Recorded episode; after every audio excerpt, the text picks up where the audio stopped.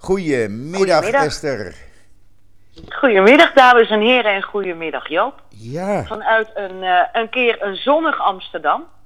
leuk. Ik heb eh, net even gecontroleerd wat ik op mijn dakterrasje ga doen vanmiddag. Want het is eh, altijd na de deadline op donderdag even een beetje ademhalen voordat we weer gaan beginnen aan het volgende nummer. En, en ja, het is hier heerlijk, maar bij jou eh, vallen de mussen dood van het dak, hè? Heb nou ja, begrepen. normaal voor de tijd van het jaar, 38 graden is de gevoelstemperatuur. En eh, ja, dat is normaal. We krijgen wat afkoeling. Het wordt in plaats van 38, 35 graden na het weekend, zeggen ze. Dus, maar het is gewoon lekker. En ach, je zit bij de airconditioning, Est- Esther. En dan is het prima te doen.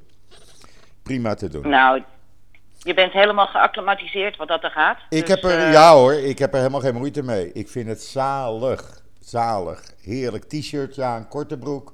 Meer hoef je niet. eh, en iedereen doet dat. Het is gewoon normaal voor de tijd van het jaar. Nou, ik ga zo meteen ook eh, schaars gekleed het dakterras op, zullen we, zullen we maar zeggen. En jij hebt een leuk dakterras, zie ik elke keer uit de foto's. Dus, Oh eh, joh, het is echt mijn, eh, mijn, kleine, mijn kleine happy place dat Heerlijk. tegenwoordig. heerlijk. Heerlijk. Maar ik denk dat daar onze luisteraars niet voor luisteren. Nee. Nee. we hebben een paar dingen te bespreken, zoals corona hier en bij jou. Ja, Eh, dan gaan we het hebben over Libanon, Marokko en Iran. ja, lijkt me goed. En daarna nog wat andere dingen die ook deze week in het NIW verschijnen, zodat mensen een beetje weten wat ze van ons verwachten kunnen. Precies. En nou, de, de tijd komt wel weer vol, Joop. Dat denk ik ook. Dat denk ik ook. Daar zal De tijd niet komt wel weer vol. Ja, Dus laten we starten met corona, want eh, je belde vanochtend in het voorgesprek en vertelde al, het gaat hier weer de verkeerde kant op. Nou ja, het is de Delta-variant waar wij eh, gewoon mee te maken hebben. En de Delta-variant eh, verdubbelt zich elke tien dagen in het aantal patiënten. En dat is te zien aan de cijfers. We, zitten, we zaten gisteren net onder de 6000.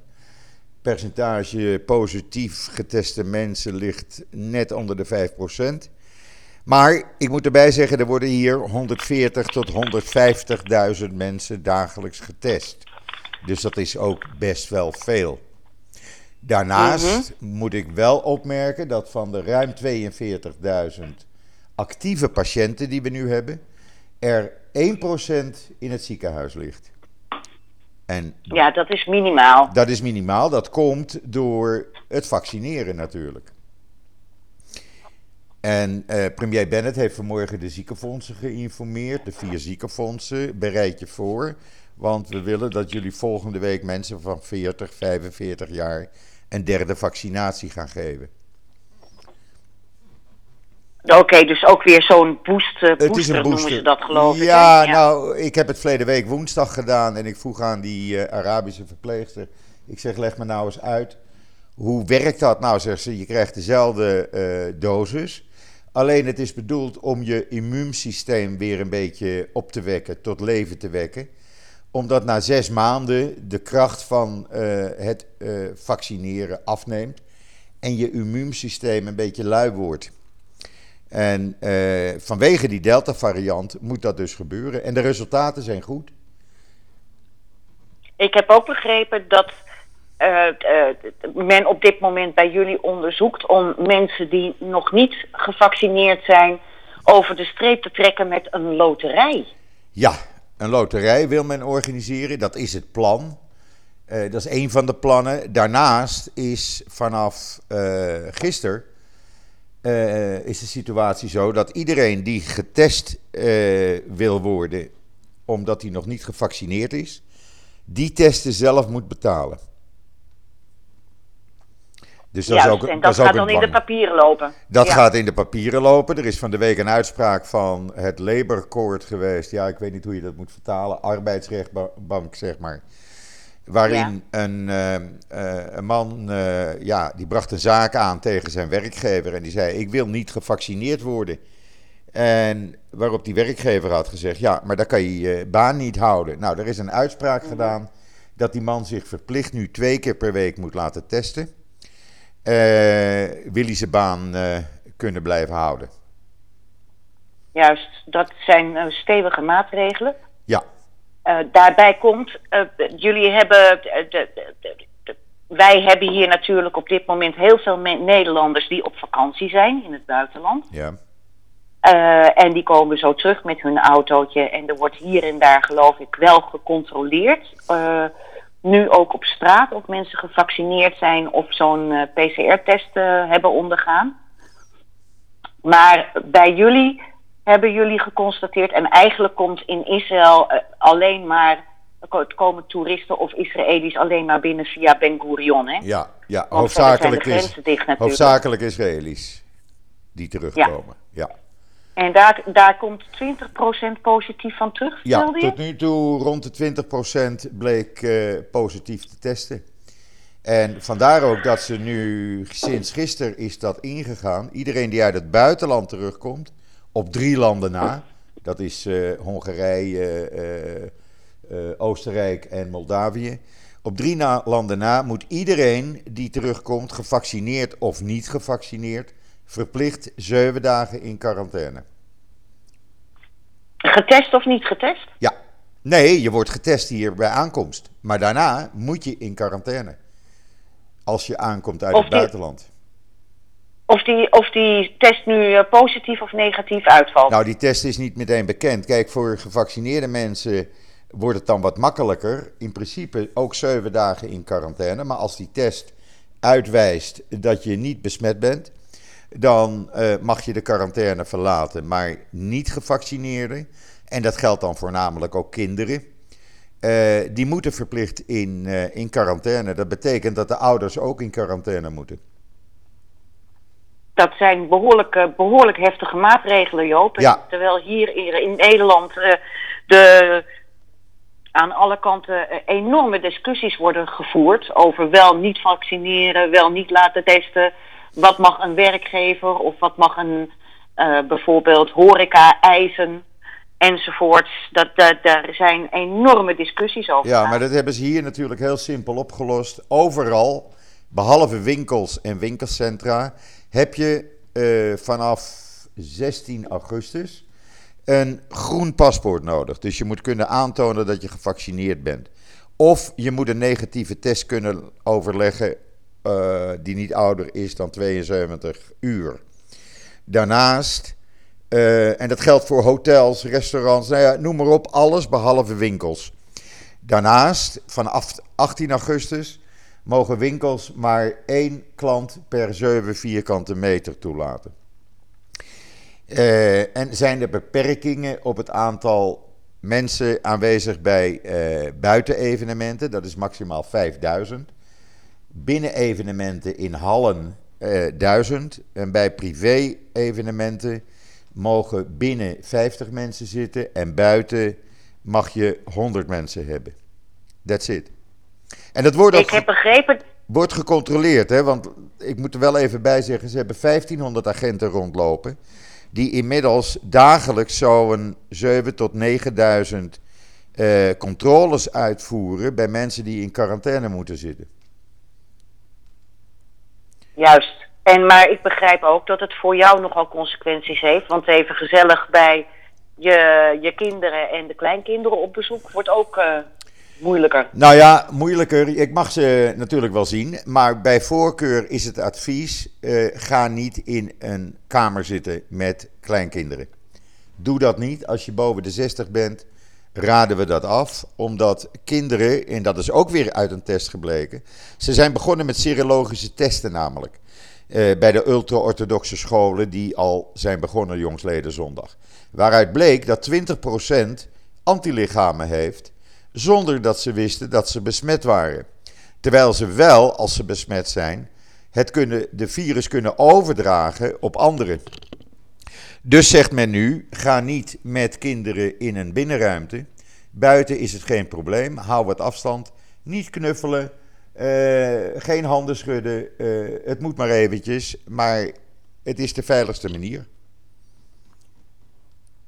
Juist. Nou ja, en uh, we moeten dan ook maar zien hoe dat zometeen met de hoge feestdagen gaat, die, uh, ga, die heel rap naderen. Ja.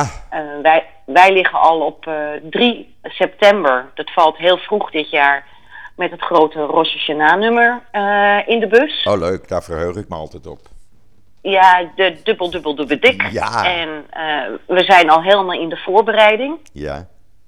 want, want met het kleine team dat wij hebben, die pagina's allemaal vullen, je begrijpt. Daar moeten we echt nu mee beginnen, want anders redden we het gewoon niet. Nee. En uh, uh, ja, hier uh, in Nederland, ja, je merkt constant dat er op twee benen wordt gehinkt. Wat wel interessant is deze week in, in het NIW, ook naar onze lezers toe, is dat wij Rabijn Evers, die dus inmiddels in Israël woont, uh, hebben gevraagd hoe uh, dat vaccineren nou halagisch in elkaar zit. Dus vanuit de halaga bekeken, vanuit de Joodse wet en de Joodse traditie bekeken. Uh, of hoe dat nou zit met vaccinatie. En wat je in tegenstelling bijvoorbeeld tot, tot zeer christelijk-orthodoxe mensen, zie je dat Evers juist zegt van nou, ik kan me zelfs een beperkte verplichting van de vaccinatie voorstellen. Zo. Dus in het Jodendom sta je daar toch heel anders in. Tenminste, dat is Evers. En die is toch wel best wel poepievroom, zoals Ja. we dat noemen. Ja. Maar eh, ja, eh, de Garedim houden zich er niet aan. Hè? Nee, maar nou, hier in Israël eh, zijn de belangrijke rabbijnen zo geweest die hebben gezegd: jullie moeten je laten vaccineren, want het leven gaat voor alles. Precies, dat zegt, dat zegt Evers Ja. ook. Ja. Ja, dus eh, eh, het grote probleem van de ruim 1 miljoen mensen die nog niet gevaccineerd zijn hier, daar zijn 400.000 Israëlische Arabieren. En eh, die zitten daarbij. En dat is natuurlijk een groot probleem, omdat ja, daar de vaccinatiepercentage erg laag is. Lager als onder de gewone Israëlische bevolking. Daar zitten we rond, nou, boven de 60% nu. is twee keer gevaccineerd. Terwijl dat bij de Arabische bevolking ergens in de 50% ligt. Maar toch ook heel veel Garedim die zich er niet aan houden. Nou, Ondanks de ja, rabbijnen. er zijn die extreme ultra-orthodoxen die houden zich er inderdaad niet aan. Die denken van, jullie bekijken het maar.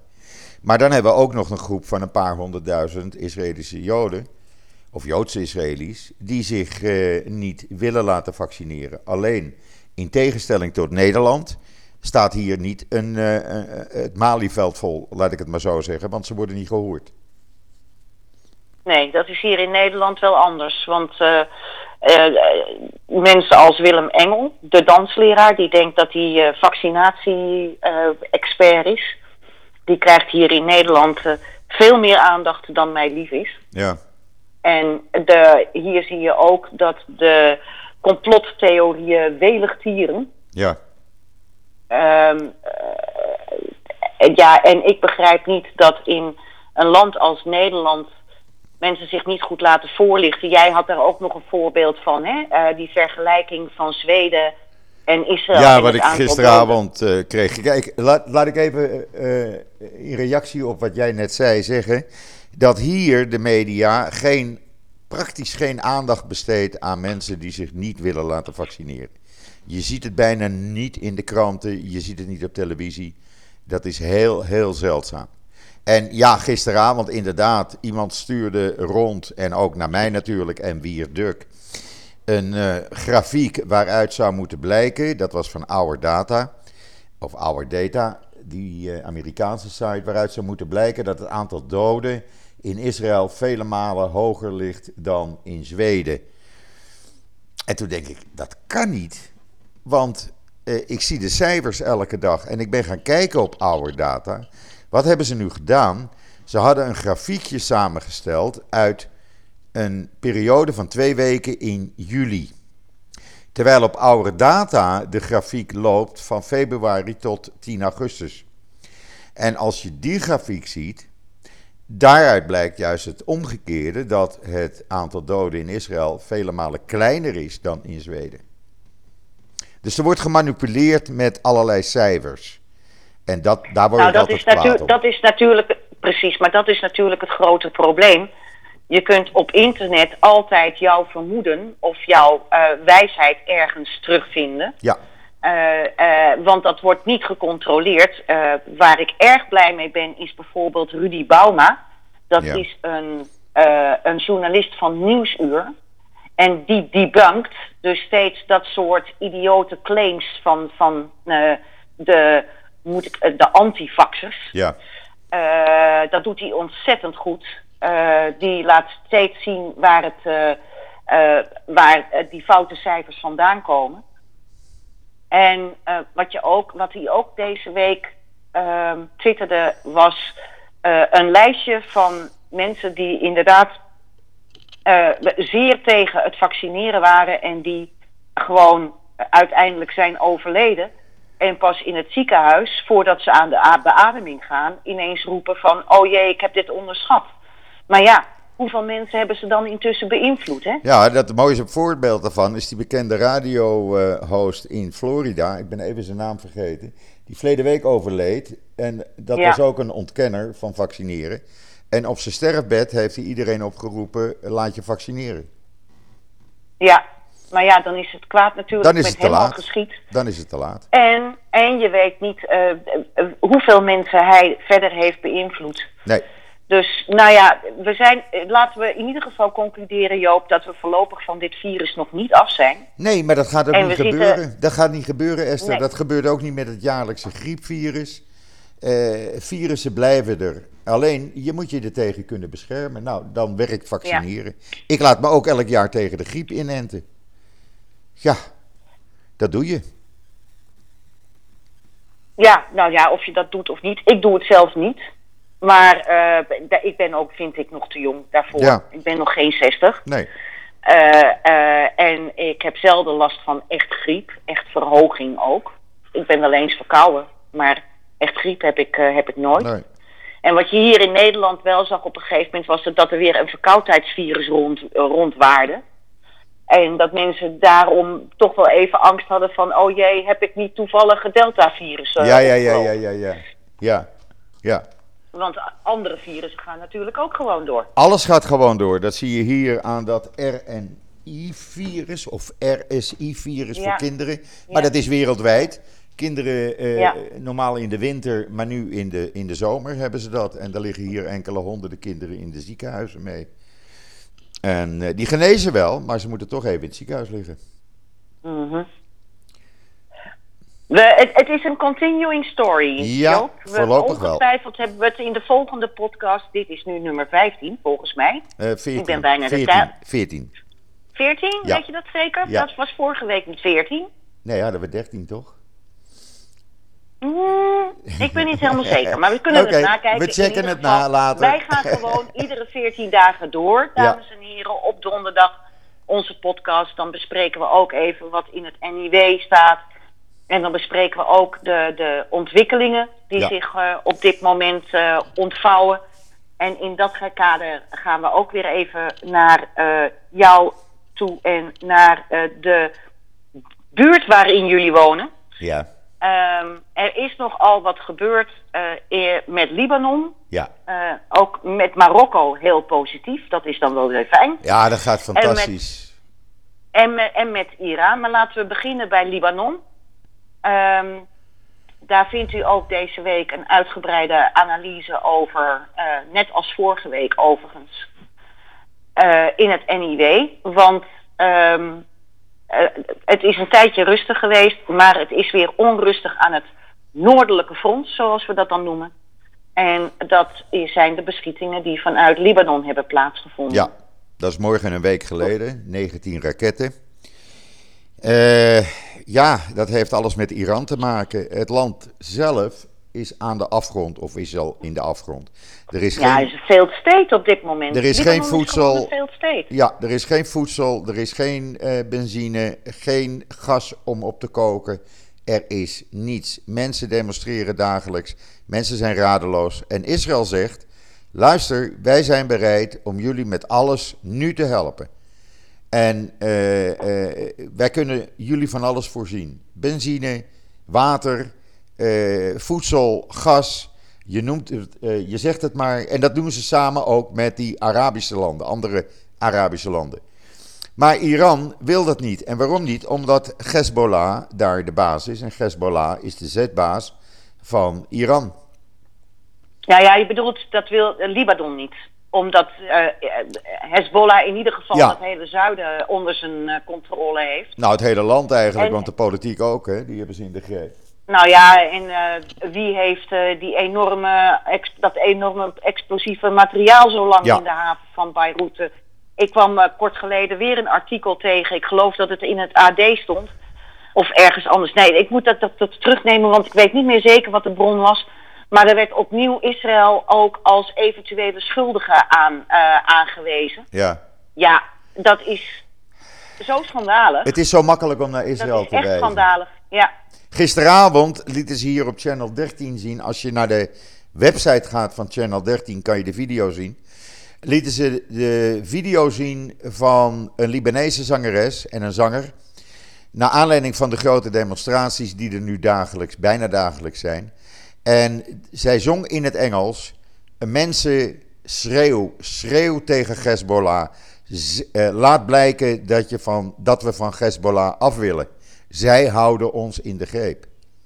Nou, dat is nogal wat. Als men daar nu Dat, openlijk dat is vooruit zeker wat. komt. Ja, Maar weet je wat ik niet begrijp, Joop? Al- Als jij eh, zegt het goed voor te hebben met Libanon en met jouw thuisland, ja, eh, waar Hezbollah natuurlijk, be- be- ja, de thuisland van Hez- eh, Hezbollah is, is Libanon. ja, En dat, dat je het dan riskeert door al die raketten af te schieten. Om er een nog grotere puinhoop van te maken. Want Israël kan, kon dat niet over zijn kan, kant laten gaan. Er, is, er zijn zelfs raketten heel dicht bij Kiryat, mijn geliefde Kiryat Shmona terechtgekomen. ja.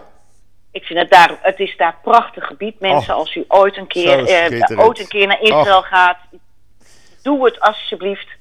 Ga naar die Hula-vallei en, en aan de ene kant heb je dan de bergen van Galilea en aan de andere kant de Golan. En het is, het is een fenomenaal gebied Ja, daar. fantastisch. Fantastisch. En ehm, eh, in ieder geval, ja, wie haalt het in zijn botte hersens om dan vervolgens even pief paf poef te gaan spelen met Israël? Ja, aandacht afleiden. En in opdracht van Iran. Ik bedoel, we hebben daar die, eh, die inhuldiging gehad van die nieuwe president. Nou, ja, die moet natuurlijk even zijn spierballen laten zien tegenover Israël. Dus Hezbollah, gaan jullie maar wat schieten. Ja, we hebben het over de, in, de inhuldiging van eh, meneer Ibrahim, geloof ik. Eh, Raisi? nee, Raisi, ja, Raisi. Eh, Ibrahim of zoiets. Ja. Nou ja, en af zijn, de voor, voornaam wil ik af zijn. Dames en heren, ik ben verschrikkelijk slecht in namen. Godzijdank hebben we altijd een heel goede eindredacteur die daar extra bij ons op let. die heb ik niet. ja. maar Raisi is natuurlijk geïnaugureerd en dan moeten we meteen eventjes ook overgaan over wie daar allemaal bij waren. Ja, Want zowel eh, een hooggeplaatste EU-vertegenwoordiger was daar aanwezig. Die zat op de tweede rij naast vertegenwoordigers van terroristische organisaties als Hezbollah, als Hamas. ja. En die was er ook aanwezig. De Nederlandse ambassadeur in Teheran, Jaap Meijers. Ja, Nederland sprak een woordje mee. Ja, ik moet, moet even. De, Jacques, eh, hij, de, de- hij heeft een Twitter-account. Eh, en hier ga ik alweer mis met mijn namen. Ehm, dat was een. eh, zijn Twitter-account is Jacques. Nog wat? Ja, Oh, Joop, ik heb dit niet nagekeken. Ik ga het even Zoeken nakijken, want dat moet ik goed zeggen. Zoeken we op. En, en die was dus ook aanwezig. En de militaire attaché in Iran vanuit Nederland, die zit er natuurlijk ook nog steeds. ja. En, Onbegrijpelijk eh, trouwens dat Nederland een militaire attaché in, in Iran moet hebben. Nou ja, moet je horen. pa- Pardon. De, de Nederlandse ambassadeur heet Jaap Wermer. En zijn Twitter-account is Jacques Wermer. En die was dus ook aanwezig. Trouwens, er zit ook een militair, Iraans militair attaché hier in Nederland. Ja. Dat vind ik ook zoiets idioots. Alsof er uitwisseling is van eh, militair eh, informatie of wapens of weet ik van wat. Ja. Ik begrijp In ieder geval, zo, zoals u van het NIW gewend bent, komen alle meningen, zolang ze maar feitelijk zijn, aan bod. En dat doen wij ook deze week, want we hebben aan de ene kant een opinie van Hans Knoop. Die vindt dat Israël selectief verontwaardigd is over de aanwezigheid van de ambassadeurs. En aan de andere kant hebben wij het gesprek van de dag, waarin eh de redactie eh, stelt, eh, geschreven door Bart Schut, dat het ridicuul is, dat het een verkeerd signaal is, omdat natuurlijk Raisi, de slachter van Teheran, hè, de slager van Teheran, Ja, eh, die ver- verantwoordelijk is voor duizenden executies, martelingen, verkrachtingen, eh, eh, martelingen van zwangere vrouwen, enzovoorts, enzovoorts. Het is echt, zijn, zijn lijst is eh, on, oneindig. Eh, dat, dat men daar eh, gewoon eh, doodleuk eh, handje gaat. Dames en heren, de verbinding werd even verbroken. Dus als het technisch niet helemaal klopt, dan maak ik nu gewoon mijn zin af, maar weet u waaraan het ligt. Die gewoon keurig netjes handjes ging schudden en eh, deze, deze massamoordenaar ging feliciteren met zijn inauguratie. ja, En eh, dat dit nieuwe beleid van eh, Iran misschien nog wel nog slechter is dan onder Ahmadinejad. Hè? Die, die, die losgeslagen dat, eh, daar ben Dat ik het helemaal over blijkt- eens. Ja, daar ben ik het over eens. Ja, Want de minister van Binnenlandse Zaken. volgende, hè? Ja. Oh, jij wou dat ook zeggen? Nee, nee, nee. Ik Ah. wilde het je aangeven. Dat Ah. blijkt uit de benoeming van de minister van Binnenlandse Ja. Zaken. Ja, ja, die wordt gezocht door Interpol, door Amerika vanwege zijn eh, nauwe betrokkenheid bij de bomaanslag op het Joods Cultureel Centrum in 1994 in Buenos Aires. Waarbij 84 mensen, Argentinië. 84 mensen om het leven kwamen. Ja, en eh, die, die, die ehm, vingerwijzing naar Iran is inmiddels ook bewezen. Ja, En ehm, eh, ja, dat is natuurlijk de, de- dat is meteen een signaal van welke kant ze op willen gaan. Hè? het wordt een zeer extremistische regering die eh, bestaat uit mensen die hun, eh, tussen aanhalingstekens, sporen in terreur hebben verdiend. Ja, Daar hebben en we het het is niet anders. Het is niet anders. Het is niet anders. En het, en het Westen heeft er geen antwoord op. Het Westen niet. En nou, westerse landen En eh, Israël, steeds meer, en hè? Israël ligt in, de, li- ligt in de vuurlinie. Ja. Ja. Eh, nou ja, maar in ieder geval de EU, laten we wel EU zijn. niet. Die trekt zich daar niks van Die, aan. die, die heeft een staart tussen de benen en is alleen maar bang en hoopt dat ze op een of andere manier ehm buiten schot blijven. Ja, maar dan is het toch dat- onbegrijpelijk zo- dat de Nederlandse ambassadeur daar naartoe gaat. Die had tenminste minstens weg kunnen blijven. ze hadden tenminste weg kunnen blijven. Ze hadden tenminste gewoon weg kunnen blijven. Ja. En het, want, want het werd natuurlijk breed uitgemeten in de Iraanse staatsmedia. Ja.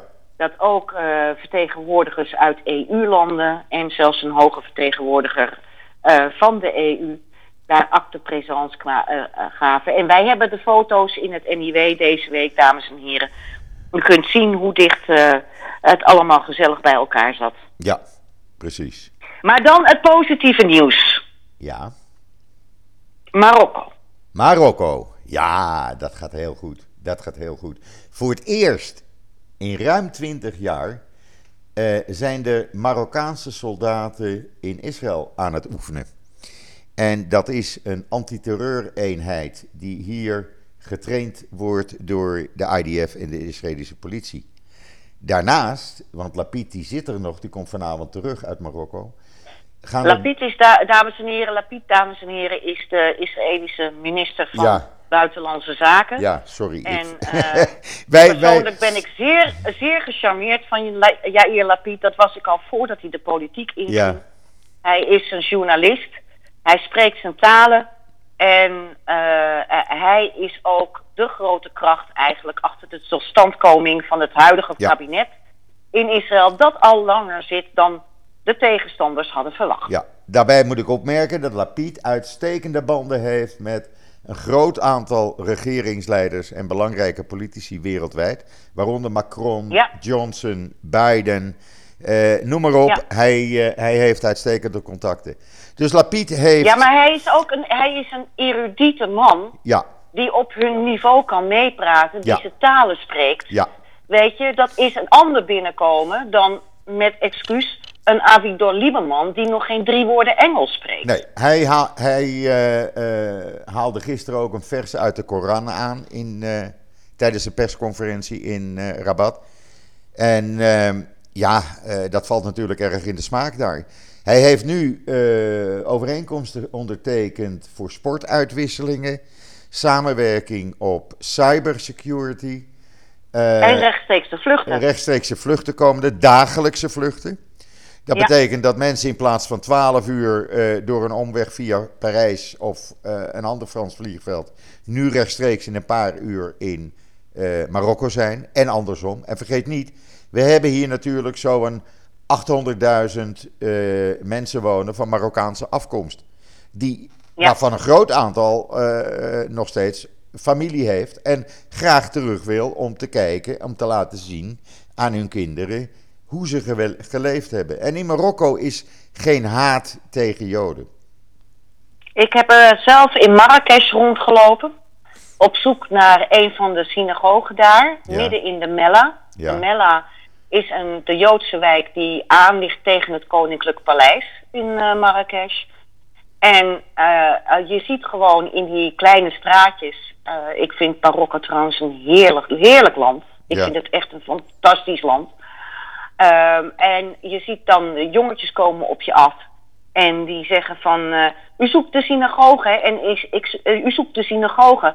U moet weten, we don't hate Jews, we don't hate Jews. Ja, dat is er echt ingepompt. Ja. En ze leiden je dan dus ook echt naar die prachtige eeuwenoude synagoge daarin, midden in de Mella. Ja, fantastisch. En um, ik ben ook van plan, nog steeds, en ik ben er nog steeds fondsen voor aan het zoeken, want dat kost natuurlijk nogal wat om een echte Marokko-special in het NIW te plaatsen. Oh, mooi. Uh, uh, ja, met, met de, de Marokkaans-Joodse geschiedenis.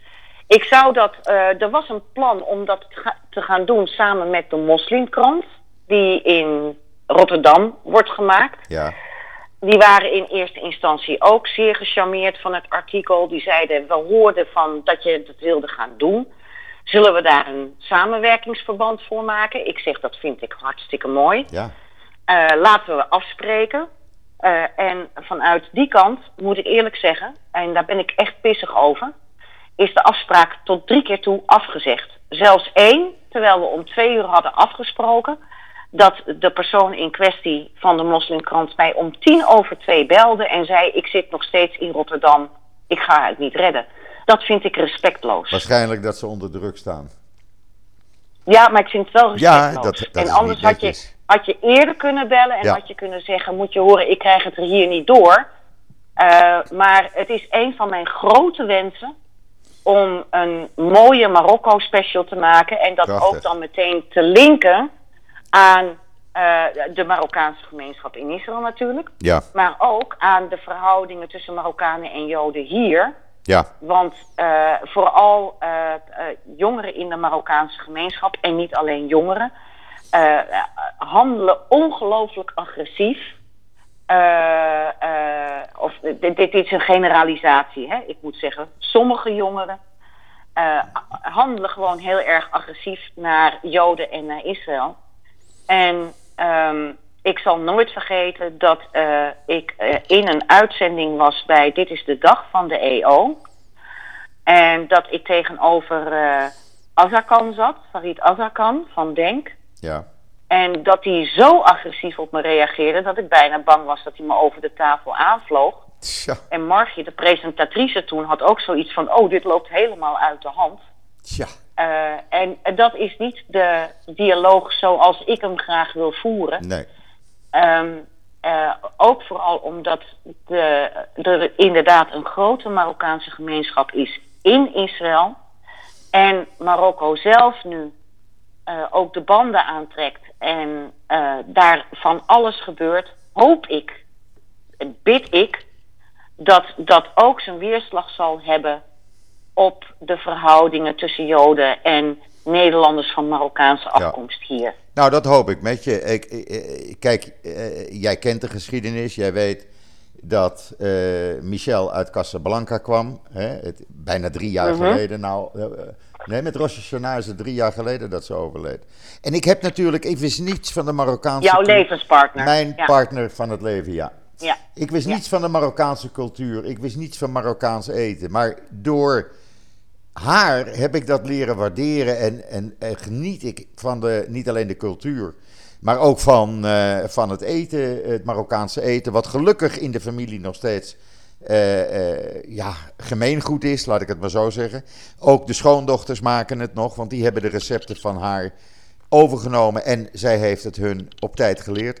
Maar ook bij mijn zwager, als daar een feest is in Jeruzalem, hij is orthodox, de familie is orthodox, maar dan is het Marokkaans eten en alle hapjes die daarbij komen. En ik vind het geweldig. Ik vind dat fantastisch. Ik vind het ook helemaal fantastisch. Ja. Gisteravond nog, dames en heren, dat is nog een kijktip, werd na twaalf op, uh, ik weet niet of het Nederland 1 of Nederland 2 was, een documentaire uitgezonden over de Israëlische keuken gemaakt door de Joodse uh, afdeling van de EO.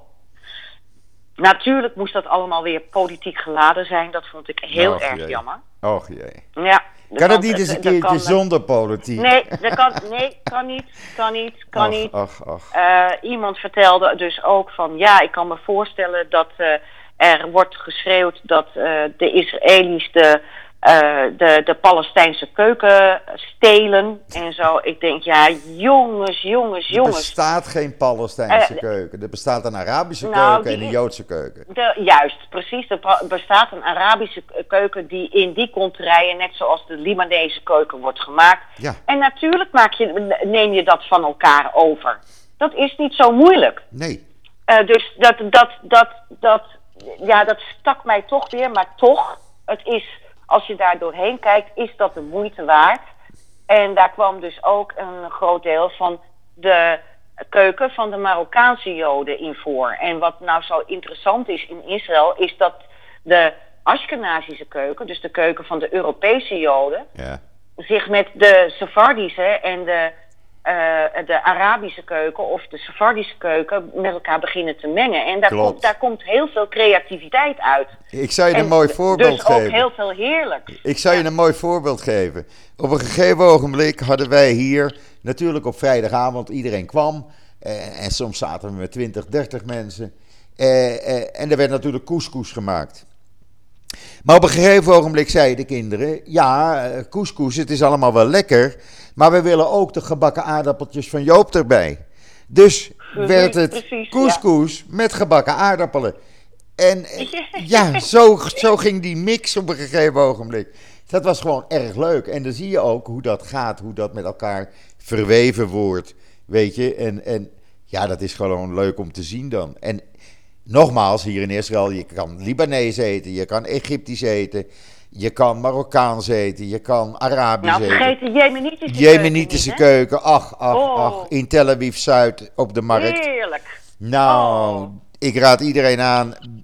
Zijn de grenzen weer open? Bezoek Zuid-Tel Aviv.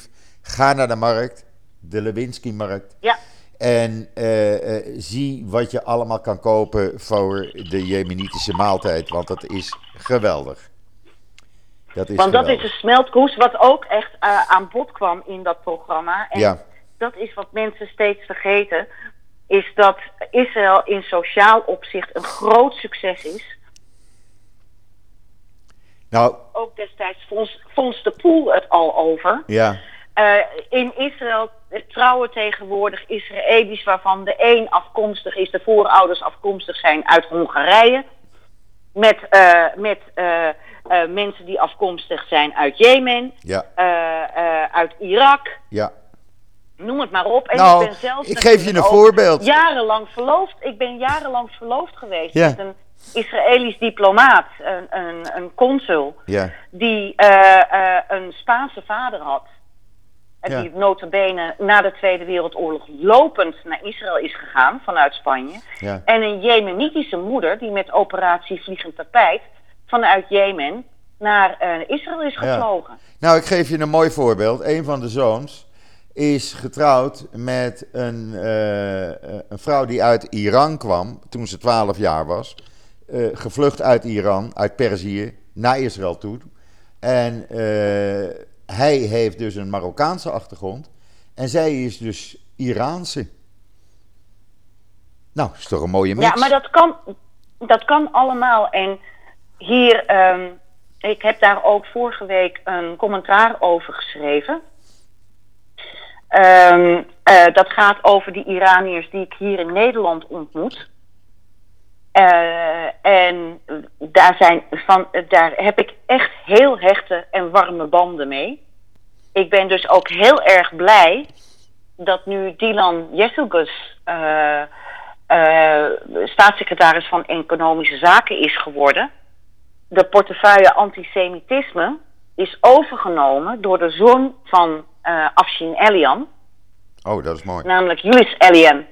En ik weet dat hij gewoon zo zuiver in die wedstrijd staat. Ja, En ik vind het ook prachtig dus dat de zoon van een Iraanse vluchteling ja, zich hard maakt voor antisemitisme. ja, dat is heel mooi. Voor, voor jodenhaat. Nou, dat, ehm, ja, dan, ik ben, je weet, ik ben de laatste tijd nogal pessimistisch geworden.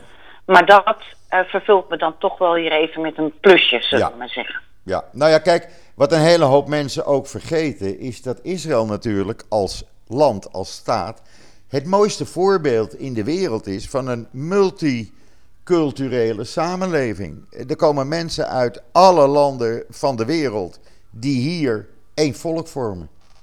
En allemaal met één achtergrond, Joods. Ja, want het, ik, de eerste keer dat ik naar Israël ging was ik 16. En het was de eerste keer dat ik vloog. En toen heb ik kennis gemaakt met Matti Caspi. Ah, En Matti Caspi is een zanger. Die Ja. komt dan weer uit Argentinië. En eh, eh, verwerkte allerlei bossa nova eh, Ja. invloeden ja, in zijn muziek. heerlijke muziek, aanrader. Oh, het is heerlijk. Matti Op Caspi, Ik ben Spotify. een groot fan van... Op Ja, Spotify. ik ben gro- groot fan van Matti Caspi. Ja. Nog altijd. ja. Eh, Joop, we moeten er weer een eind aan gaan breien. Want we zitten alweer op drie kwartier. We hebben, tjumig, ja inderdaad, drie kwartier zitten Ja. we al aan die keukentafel. En ik vind het gezellig. Ik heb helemaal geen zin, ik heb helemaal geen zin om eh, weer op te staan van die keukentafel. Het is zo gezellig. en dat vind ik We ook leuk, want mensen schrijven ons Mensen dan dat, Ja. ze, dat ze voelen alsof ze zelf bij ons aan die keukentafel zitten. En dat, eh, ja, dat, eh, dat vind ik leuk om te horen. Ja, Dat vind ik echt leuk eh, om te horen. Om, leuk om te doen. Ja. En er is altijd, dames en heren, wat meer voorbereiding aan vooraf dan wat u nu hoort. Maar we nemen dit allebei heel serieus, Ja. Joop en ik. We hebben vanmorgen ook alweer een uur zitten kletsen aan de telefoon ja, om voor, dit voor te bereiden. voorbereiden en wat gaan we, wat gaan Ja. we bespreken. Maar dit maakt het ook zo leuk, Esther. Het maakt, ik hoop ook echt dat we binnenkort naar een wekelijkse eh, eh, podcast toe kunnen. Dat, eh, ik denk dat we aan die behoefte eh, voldoen van vele mensen. Ik, ik ben ermee bezig, Joop. dat weet ik. Want dit dat zijn, weet ik. je weet, het NIW het, zit niet erg ruim financieel in zijn jasje. Nee, En we doen dit vooralsnog, eh, tenminste, ik doe het al, als liefdewerk oud papier. En jij in wezen ook. Ja. Hè? Want ja, dus, eh, alles wat ik doe verdien ik niks mee hoor. Ja, nee, daarom.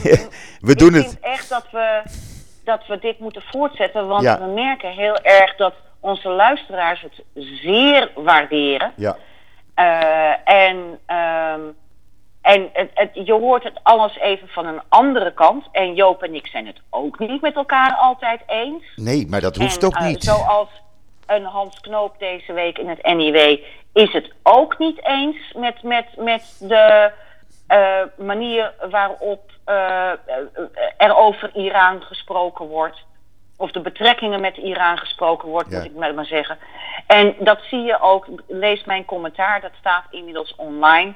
In het NIW komen, komen alle eh, stemmen aan bod. En eh, ja, eh, er is altijd heel veel discussie in dat kleine blaadje. Heerlijk. Met voor, die, voor die gemeenschap die, nou ja, waren waar- twee joden, drie meningen. Wat? Soms wel vijf meningen. Oh. En- en- en- weet je? En alles moet aan bod komen. Dus dat, dat doen wij, proberen wij ook echt in het NIW te doen. ja.